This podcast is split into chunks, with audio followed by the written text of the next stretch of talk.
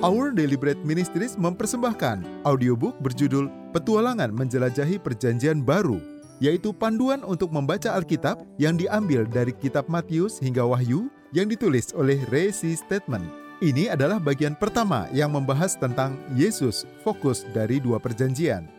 Untuk bab 5 ini berjudul Sang Manusia Sempurna, pembahasan kitab Lukas. Selamat mendengarkan.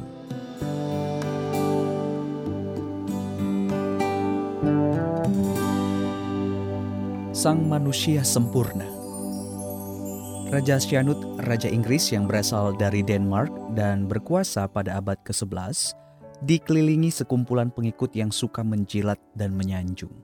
Mereka berkata, Wahai Raja Syanut, engkaulah raja yang paling agung dan berkuasa di sepanjang zaman. Engkau tak terkalahkan. Engkau mengetahui segala sesuatu. Engkaulah inkarnasi kesempurnaan sebagai orang yang rendah hati dan realistis, Raja Syanut segera bosan dengan sanjungan basa-basi ini. Oleh karena itu, ia memerintahkan pengawal istana untuk memindahkan tahtanya dari mimbar di ruang tahta kerajaan dan membawanya ke pantai. Raja dan semua pengikutnya yang suka menjilat, mereka pun kebingungan. Mereka mengiringi pemindahan tahta sampai di pantai. Lalu Raja Syanut memerintahkan agar tahta diletakkan di atas pasir di tepi laut. Para pengikutnya berkerumunan mengelilinginya sambil bertanya-tanya apa yang dipikirkan rajanya. Raja Syanut duduk di atas tatahnya lalu mengarahkan pandangan ke laut. Ia membentangkan tangannya dan memberi perintah. Ombak, diamlah. Arus pasang, berhentilah. Namun ombak terus menggulung ke arah pantai dan arus pasang kian meninggi. Permukaan laut mulai mencapai mata kaki Raja Sianut, lalu pahanya, lalu dadanya. Akan tetapi ia terus memberi perintah. Ombak, diamlah. Arus pasang, berhentilah. Akhirnya sebuah ombak datang menggulingkan tahta itu dan menghempaskan Raja Sianut ke pasir, membuatnya terbatuk dan terengah-engah. Dengan mata terbelalak, para pengikut raja yang semula menganggap rajanya sebagai inkarnasi kesempurnaan, memandang rajanya dengan pemikiran bahwa ia sudah gila. Dalam keadaan basah kuyup, sang raja berdiri dan memerintahkan agar tahtanya dibawa kembali ke istana.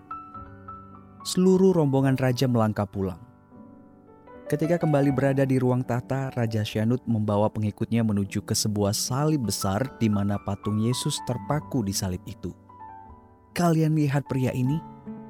Dia melakukan apa yang tidak dapat kulakukan. Dia menenangkan gelombang. Dia memberi perintah pada laut. Dirinya lah inkarnasi kesempurnaan. Aku hanya pria biasa. Kemudian ia melepaskan mahkota emasnya dan meletakkannya di kening patung Yesus. Mahkota Syanut tetap terpasang di patung itu hingga Syanut wafat. Injil Lukas adalah Injil sang manusia yang merupakan inkarnasi kesempurnaan. Satu-satunya manusia sejati yang sempurna. Injil ketiga menyajikan Yesus sebagai sang anak manusia. Itulah gelar favorit Tuhan bagi dirinya sendiri. Gelar yang paling sering dia gunakan daripada nama lainnya. Ketika Anda membaca Injil Lukas, Anda menemui orang yang sama – yang juga Anda temui di Injil Matius, Markus, dan Yohanes. Namun perhatikan penekanan yang berbeda di antara keempat Injil. Injil Matius menekankan pada aspek rajaninya. Markus menekankan kehambaannya. Yohanes menekankan keilahiannya. Namun Injil Lukas menekankan pada kemanusiaannya. Esensi insani dan kemanusiaan Kristus terus-menerus ditekankan di sepanjang Injil Lukas. Kunci Injil ini tertulis di Lukas 19 ayat 10. Pada faktanya, ayat ini memberikan garis besar yang berguna dari keseluruhan kitab. Sebab anak manusia datang untuk mencari dan menyelamatkan yang hilang. Di kalimat tersebut Anda menemukan struktur dan bagian-bagian dari Injil ini – Bagian pertama, anak manusia datang. Di awal Injil ini dari pasal 1 ayat 1 hingga pasal 4 ayat 13, Lukas memberitahu kita bagaimana Yesus menjadi manusia, termasuk silsilahnya. Bagian kedua, mencari. pelayanan Tuhan di bumi kebanyakan terdiri dari upaya mencari orang dan bergerak ke dalam jantung manusia, menembus ke dalam emosi, pemikiran, dan perasaan manusia. Di bagian tengah kitab Lukas dari pasal 4 ayat 14 sampai pasal 19 ayat 27, kita melihat bagaimana Yesus mencari kita, menaruh jarinya di pusat rasa sakit, malu, dan motivasi kita yang berdenyut-denyut dan menyentuh kemanusiaan kita dengan kuasa penyembuhannya. Di bagian ini Yesus melanjutkan pelayanannya di antara bangsa. Bagian dari upaya Tuhan mencari umat manusia ini mencapai klimaks dalam perjalanannya ke Yerusalem, tempat ia akan dikorbankan. Seperti yang kita baca di Lukas 9 ayat 51. Ketika hampir genap waktunya Yesus diangkat ke surga, ia mengarahkan pandangannya untuk pergi ke Yerusalem. Catatan perjalanannya ke Yerusalem tertulis di pasal 9 sampai pasal 19. Juga menceritakan insiden-insiden penting yang terjadi selama perjalanan. Bagian ketiga sekaligus terakhir dan menyelamatkan yang hilang. Akhirnya Tuhan melakukan tindakan terakhir dari drama kehidupannya untuk menyelamatkan umat manusia melalui salib dan kebangkitan. Di Lukas 19 ayat 28 kita membaca, Dan setelah mengatakan semuanya itu, Yesus berjalan lebih dulu dan meneruskan perjalanannya ke Yerusalem. Ayat ini menandai akhir pelayanan pencariannya dan awal dari pelayanan keselamatannya. Ayat ini menyatakan bagian akhir dari kitab ini, di mana Yesus memasuki Yerusalem, pergi ke Bait Allah, naik ke Bukit Zaitun, dibawa ke ruang pengadilan Pilatus, lalu menuju salib, ke kubur, dan kebangkitannya.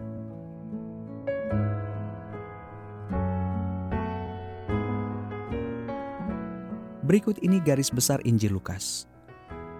Kedatangan sang anak manusia Lukas 1 ayat 1 sampai Lukas 4 ayat 13 terdiri dari 9 bagian.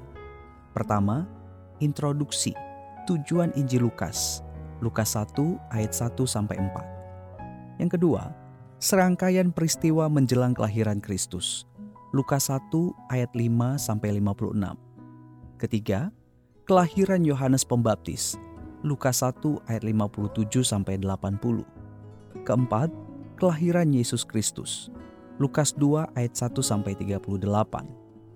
Kelima, masa kanak-kanak Yesus Kristus, Lukas 2 ayat 39 sampai 52. Keenam, pelayanan Yohanes Pembaptis. Lukas 3 ayat 1 sampai 20. Ketujuh, pembaptisan Yesus oleh Yohanes Pembaptis. Lukas 3 ayat 21 sampai 22. Kedelapan, silsilah sang anak manusia. Lukas 3 ayat 23 sampai 28. Kesembilan, pencobaan terhadap sang anak manusia. Lukas 4 ayat 1 sampai 13. Pelayanan Tuhan Yesus, Sang Anak Manusia mencari. Lukas 4 ayat 14 sampai Lukas 19 ayat 27. Terdiri dari 39 bagian.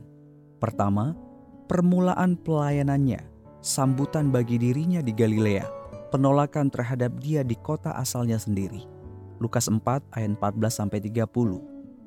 Kedua, sejumlah mujizat yang mendemonstrasikan kuasanya atas roh-roh jahat, penyakit, kelumpuhan, juga pemanggilannya kepada para murid pertama. Lukas 4 ayat 31 sampai Lukas 5 ayat 28. Ketiga, Yesus dan orang-orang Farisi.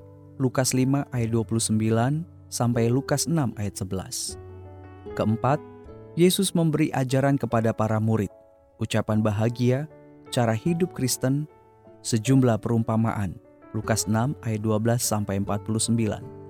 Kelima, sejumlah mujizat, penyembuhan hamba seorang perwira, pembangkitan putra seorang janda. Lukas 7 ayat 1 sampai 16. Keenam, Yesus memuji Yohanes Pembaptis. Lukas 7 ayat 17 sampai 35. Ketujuh, Yesus makan di rumah seorang Farisi. Seorang wanita mengurapi kakinya dengan minyak wangi mahal. Lukas 7 ayat 36 sampai 50. Kedelapan, sejumlah perumpamaan dan mujizat. Badai diteduhkan, roh-roh jahat diusir ke dalam babi. Seorang wanita yang mengalami pendarahan disembuhkan. putri Yairus dibangkitkan. Lukas 8. Kesembilan, kedua belas murid diutus untuk berkhotbah. Lukas 9 ayat 1 sampai 11. Kesepuluh, Yesus memberi makan 5000 orang. Lukas 9 ayat 12 sampai 17. Kesebelas, pengakuan iman Petrus. Lukas 9 ayat 18 sampai 26. Kedua belas, Yesus dimuliakan di atas gunung. Lukas 9 ayat 27 sampai 36. Ketiga belas, seorang kerasukan setan disembuhkan. Lukas 9 ayat 37 sampai 42.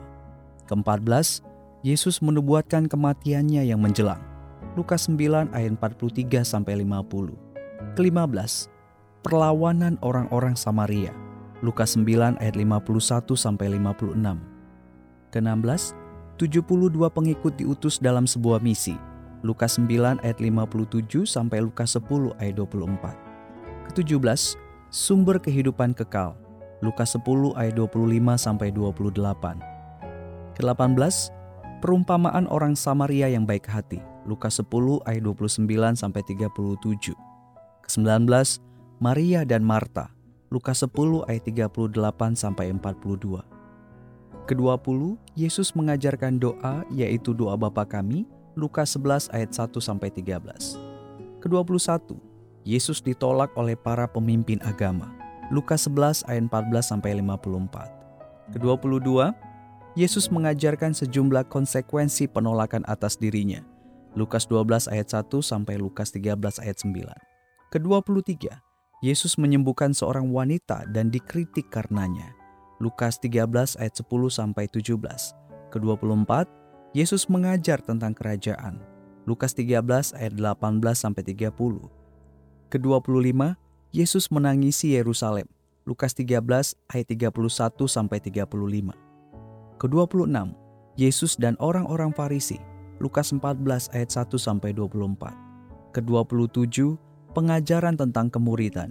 Lukas 14 ayat 25 sampai 35. Ke-28, pengajaran tentang pertobatan, domba yang hilang, koin yang hilang, anak yang hilang atau suka berfoya-foya. Lukas 15 ayat 1 sampai 32. Ke-29, pengajaran tentang penata layanan. Lukas 16 ayat 1 sampai 31. Ke-30, pengajaran tentang pelanggaran-pelanggaran. Lukas 17 ayat 1 sampai 10.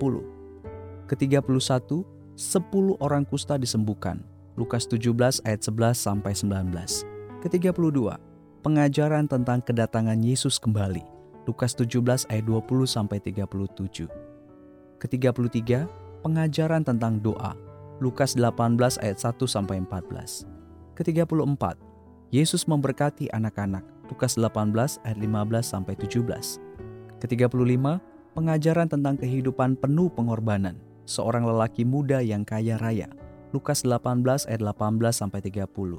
Ke-36, Yesus menubuatkan kematian dan kebangkitannya sendiri. Lukas 18 ayat 31 sampai 34. Ke-37, Yesus menyembuhkan si buta Bartimeus.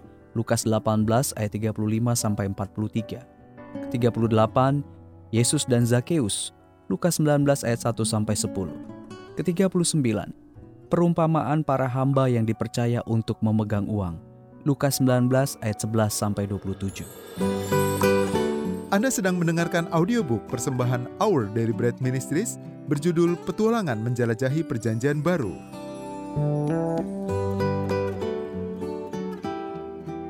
Kematian dan kebangkitan Tuhan Yesus, Sang Anak Manusia menyelamatkan.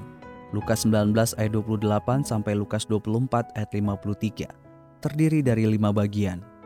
Pertama, minggu terakhir Yesus Kristus. Lukas 19 ayat 28 sampai Lukas 23 ayat 56. Yang juga terdiri dari delapan bagian. Minggu, kedatangannya yang penuh kemenangan ke Yerusalem. Lukas 19 ayat 28 sampai 44. Senin, pembersihan bait Allah. Lukas 19 ayat 45 sampai 48. Selasa, pelayanan di Yerusalem. Lukas 20 ayat 1 sampai Lukas 21 ayat 4 pengajaran di Bukit Zaitun. Lukas 21 ayat 5 sampai 38. Yudas mengkhianati Yesus. Lukas 22 ayat 1 sampai 6. Kamis, Paskah dan penangkapan Yesus. Lukas 22 ayat 7 sampai 53. Jumat, Yesus diadili dan disalibkan. Lukas 22 ayat 54 sampai Lukas 23 ayat 55. Sabtu, Yesus dalam kubur. Lukas 23 ayat 56. Kedua, kebangkitan. Lukas 24 ayat 1 sampai 12. Ketiga, Yesus menampakkan diri kepada dua murid dalam perjalanan ke Emmaus dan juga kepada para murid. Lukas 24 ayat 13 sampai 43. Keempat, amanat agung. Lukas 24 ayat 44 sampai 48. Kelima, kenaikan Yesus. Lukas 24 ayat 49 sampai 53.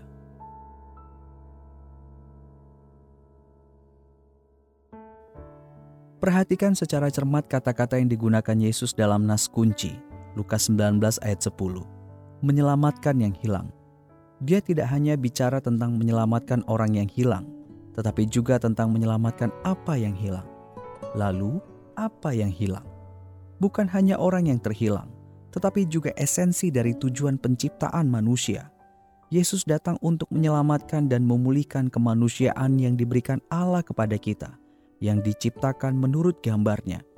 Itulah rahasia kemanusiaan kita kita telah melupakan apa yang menjadi tujuan kita diciptakan. Seluruh dilema hidup yang masih kita miliki tersimpan rapat di dalam diri kita. Ini adalah semacam memori tentang kita seharusnya menjadi seperti apa, apa yang kita inginkan, dan untuk apa kita diciptakan. Tetapi kita tidak tahu bagaimana cara memenuhinya.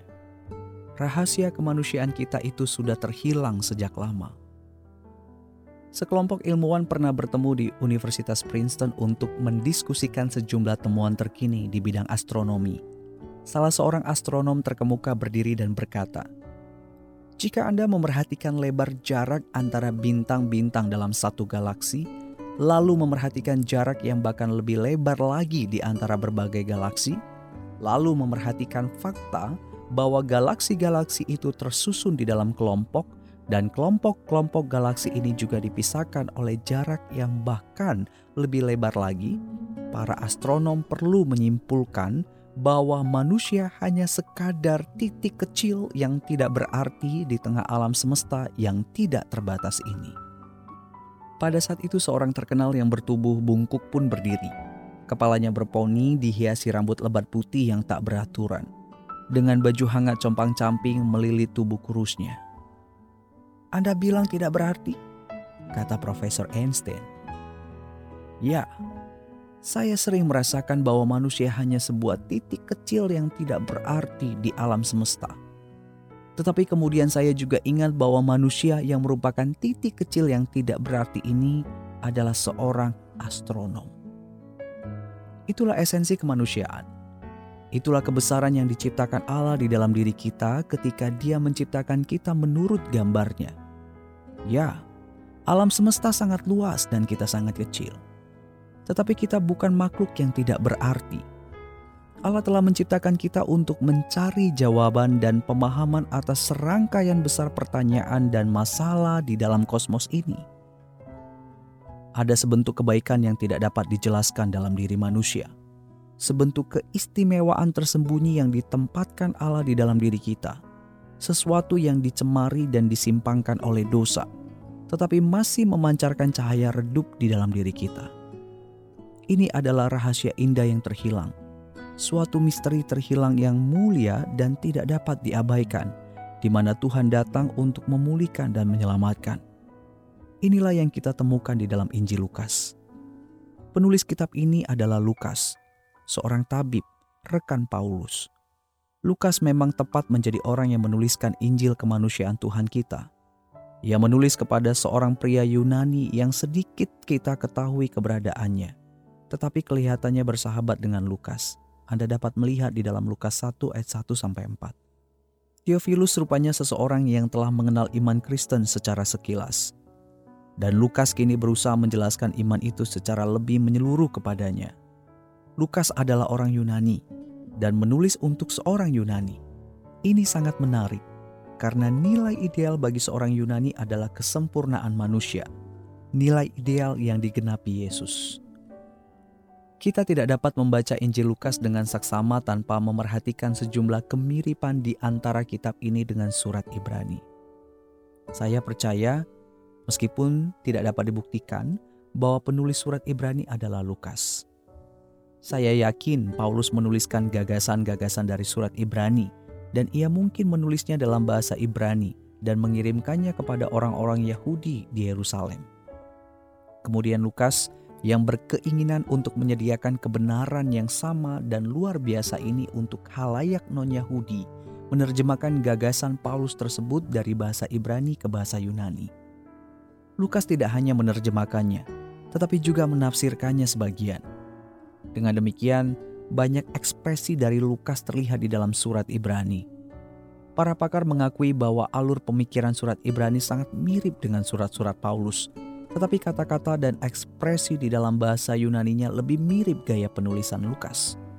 Jika ini benar, kita mendapatkan penjelasan tentang sejumlah persamaan yang luar biasa antara surat Ibrani dan Injil Lukas. Pesan luar biasa yang disampaikan surat Ibrani adalah Yesus Kristus menjadi manusia supaya dia dapat memasuki kondisi manusia dan menjadi wakil kita. Surat Ibrani dibuat berdasarkan simbolisme perjanjian lama dan khususnya kemah suci di padang gurun. Surat Ibrani menjelaskan makna gambar simbolisnya Allah tentang kemah suci. Ketika Musa naik ke Gunung Sinai, ia diberi pola yang harus diikuti secara tegas dalam pembuatan kemah suci.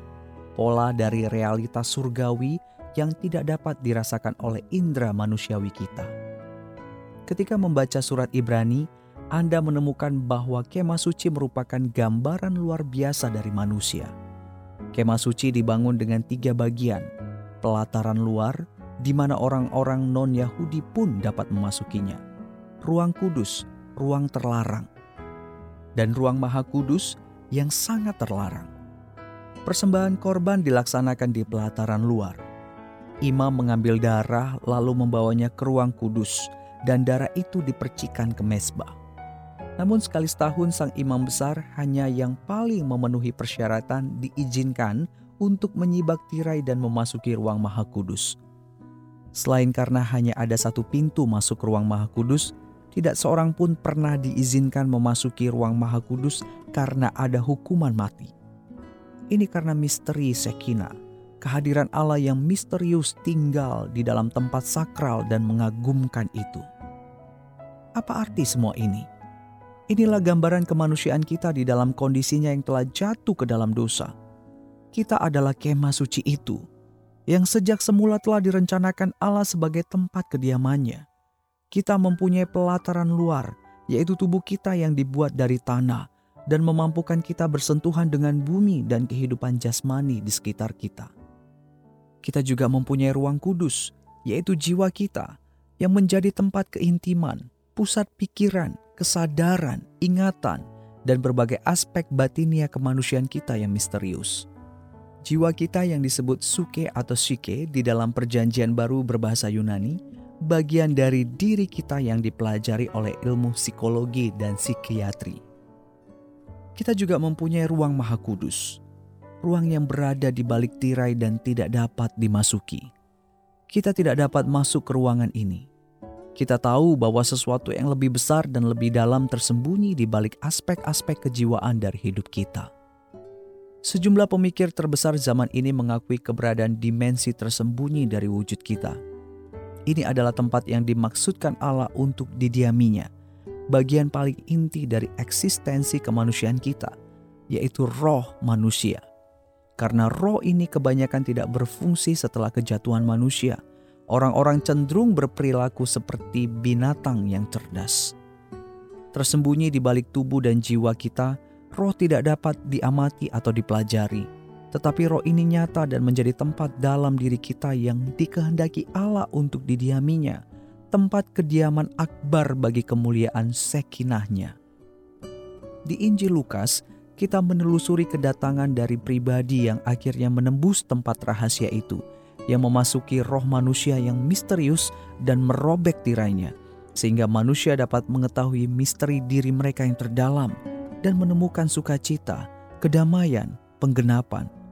Itulah yang dicari-cari semua orang dengan penuh putus asa.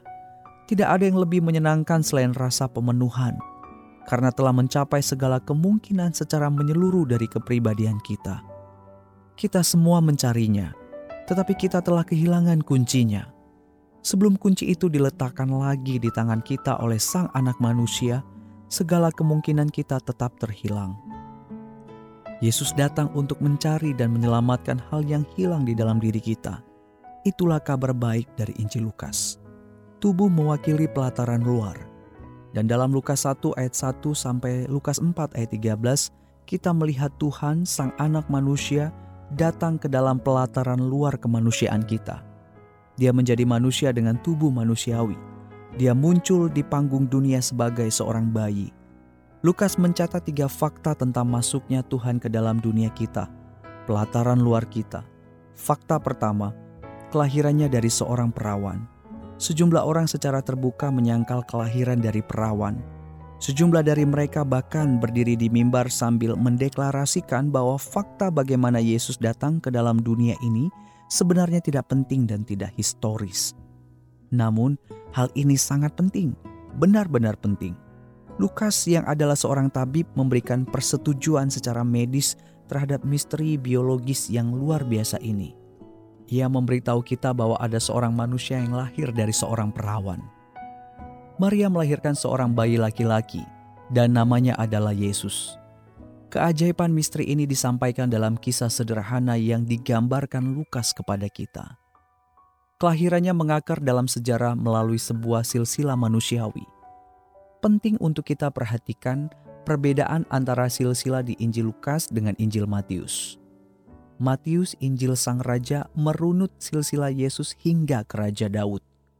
Lukas Injil Sang Anak Manusia merunut silsilah Yesus hingga Adam, manusia pertama yang disebut Lukas anak Allah. Karena Adam tidak mempunyai ayah jasmani, tetapi secara langsung diciptakan oleh tangan Allah. Oleh karena itu, Lukas mengaitkan Sang Adam pertama dengan Adam kedua, yaitu Yesus Kristus, dalam Injil Sang Anak Manusia ini. Fakta kedua, Lukas mengisahkan kepada kita tentang Yesus yang dibawa ke Bait Allah pada umur 12 tahun. Ia menuliskan bagaimana Yesus membuat para ahli Taurat terpukau dengan kemampuannya menjawab berbagai pertanyaan dan mengajukan sejumlah pertanyaan yang jeli untuk memahami berbagai masalah yang mendalam dari kitab suci. Anda sedang mendengarkan audiobook persembahan Hour dari Bread Ministries berjudul Petualangan Menjelajahi Perjanjian Baru. Inilah penyingkapan kemampuan mental dan hikmat yang luar biasa. Pikirannya dan jiwanya ditampilkan secara sempurna kepada kita.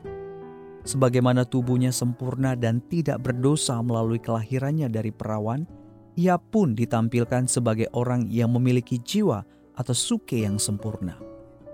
Fakta ketiga, Lukas menuliskan kisah pencobaan di padang gurun, di mana Tuhan dinyatakan memiliki kesempurnaan di dalam rohnya. Ini diindikasikan di bagian awal melalui pernyataan saat Yesus dibaptis, ketika dia dinyatakan oleh suara Allah sebagai anakku yang kukasihi. Kepadanya aku berkenan. Lukas 3 ayat 22. Jadi kita sudah melihatnya berpindah dari pelataran luar kemanusiaan kita ke ruang kudus dari jiwa kita, lalu ke ruang maha kudus dari roh kita. Yesus telah memasuki inti terdalam dari keberadaan, kehidupan, dan pikiran kita di mana, sebagaimana yang dinyatakan surat Ibrani, dia harus disamakan dengan saudara-saudaranya supaya dia menjadi imam besar yang menaruh belas kasihan dan yang setia kepada Allah untuk mendamaikan dosa seluruh bangsa. Ibrani 2 ayat 17. Bagian ini dimulai dengan catatan luar biasa tentang kunjungannya ke sebuah sinagoge di Nazaret, di mana kitab Yesaya dibawa ke hadapannya. Lalu dia menemukan suatu nas dan membacakannya. Roh Tuhan ada padaku, oleh sebab ia telah mengurapi aku, untuk menyampaikan kabar baik kepada orang-orang miskin. Dan ia telah mengutus aku untuk memberitakan pembebasan kepada orang-orang tawanan dan penglihatan bagi orang-orang buta, untuk membebaskan orang-orang yang tertindas, untuk memberitakan tahun rahmat Tuhan telah datang. Lukas 4 ayat 18 19. Di ayat itu, Yesus mendeklarasikan apa yang hendak dilakukannya melalui kedatangannya. Masuk ke dunia orang miskin, orang tertindas, orang buta, orang tertawan, dan membebaskan mereka. Keseluruhan kisah dari pasal-pasal berikutnya membahas bagaimana dia masuk ke berbagai dunia manusia pada umumnya, di mana orang hidup di dalam kegelapan, perbudakan, dan kematian. Akhirnya di Lukas 19 ayat 28, kita melihat Yesus mempersiapkan diri untuk masuk sebagai imam besar yang agung ke dalam ruang maha kudus umat manusia untuk memulihkan apa yang telah terhilang selama berabad-abad. Anda mungkin ingat pembelajaran Anda tentang perjanjian lama bahwa ruang maha kudus hanya memiliki dua perabotan. Pertama, tabut perjanjian dan tutup pendamaiannya yang ditudungi sayap-sayap kerub yang terbentang, tempat kemuliaan Shekinah Allah berdiam. Yang kedua, mesbah, tempat pembakaran ukupan yang semula menjadi sarana bagi bangsa Israel untuk mempersembahkan puji-pujian mereka kepada Allah.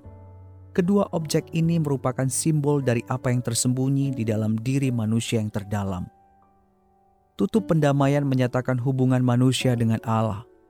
Surat Ibrani mengatakan kepada kita bahwa hanya darah yang memungkinkan hubungan ini dapat terjadi dan diterima. Dan hampir segala sesuatu disucikan menurut hukum Taurat dengan darah, dan tanpa penumpahan darah tidak ada pengampunan. Ibrani 9 ayat 22. Darah ditutup pendamaianlah yang melepaskan pengampunan dan anugerah Allah. Tuhan kita kini bersiap untuk masuk ke dalam roh manusia yang tersembunyi dengan menawarkan darahnya sendiri. Seperti yang tertulis di surat Ibrani, ia telah masuk satu kali untuk selama-lamanya ke dalam tempat yang kudus, bukan dengan membawa darah domba jantan dan darah anak lembu, tetapi dengan membawa darahnya sendiri. Dan dengan itu, ia telah mendapat kelepasan yang kekal. Ibrani 9 ayat 12.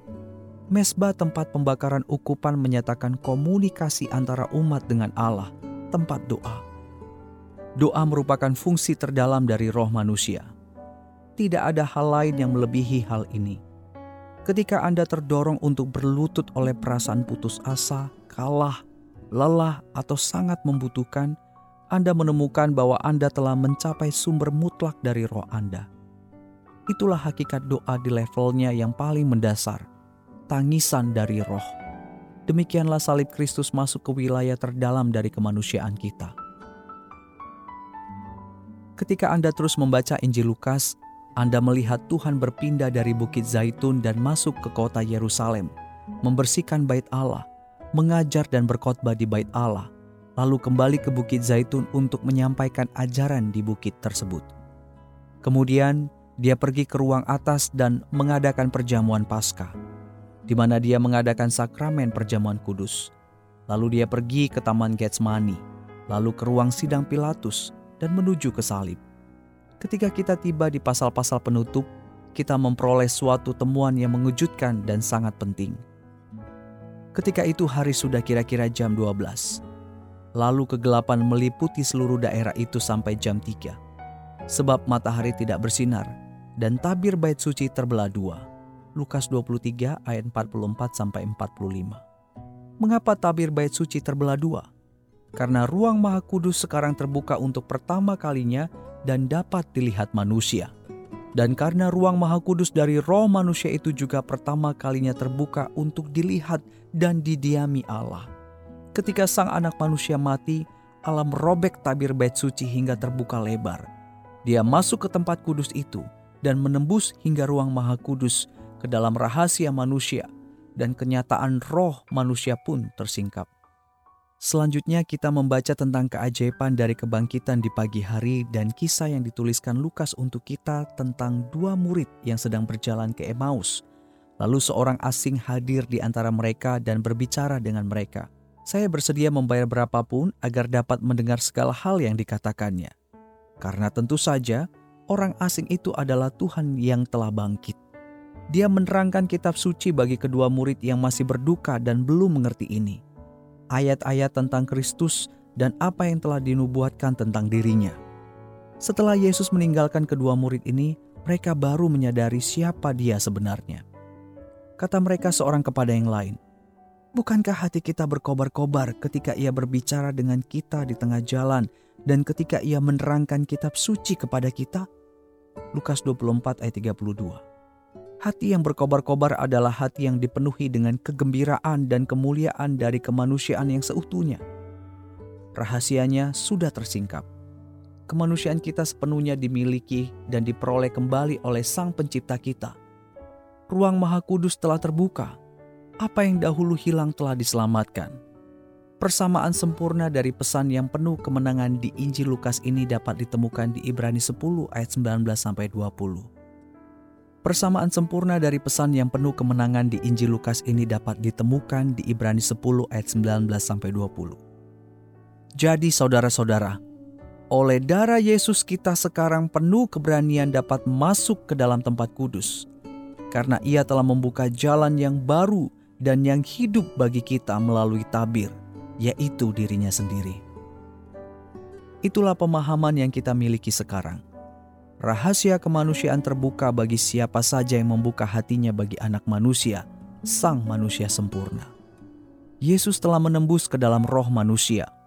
Dia telah membangun kembali hubungan yang telah terhilang dengan Allah, yang memampukan kita untuk menjadi seperti yang dikehendaki Allah.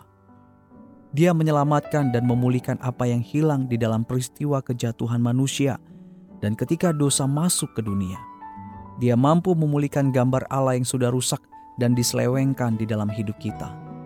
Segala kemungkinan dari kemanusiaan yang seutuhnya kini telah tersedia bagi setiap orang yang di dalam dirinya Roh Kristus berdiam.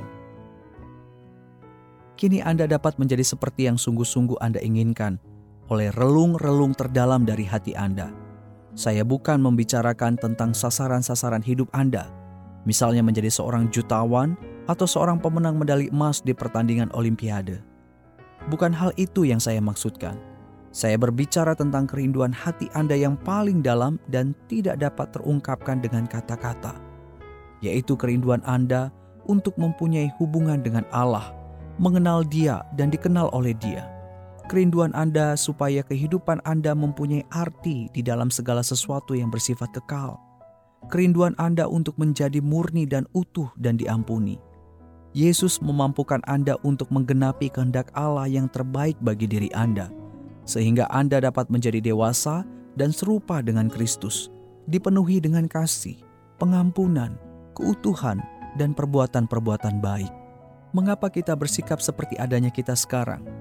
Mengapa kita ingin melakukan kebaikan, tetapi kita justru melakukan begitu banyak kejahatan? Mengapa kita mampu meraih berbagai prestasi besar di bidang teknologi, permesinan, ilmu kedokteran, atletik, seni, sastra, musik, tetapi kita tidak dapat menghapuskan kemiskinan, peperangan, rasisme, kejahatan, dan begitu banyak masalah lainnya? Ke mana arah yang kita tuju? Apa tujuan dari semua ini? misteri aneh dari segala zaman, pertanyaan-pertanyaan besar yang diajukan para filsuf dan para pemikir tentang ras manusia yang agung, tetapi sekaligus sangat cacat ini. Semuanya telah dijawab oleh kedatangan Yesus Kristus, Sang Anak Manusia, ke dalam kemanusiaan kita. Lukas telah menyingkapkan semua hal ini bagi kita di dalam Injilnya, Injil Sang Anak Manusia.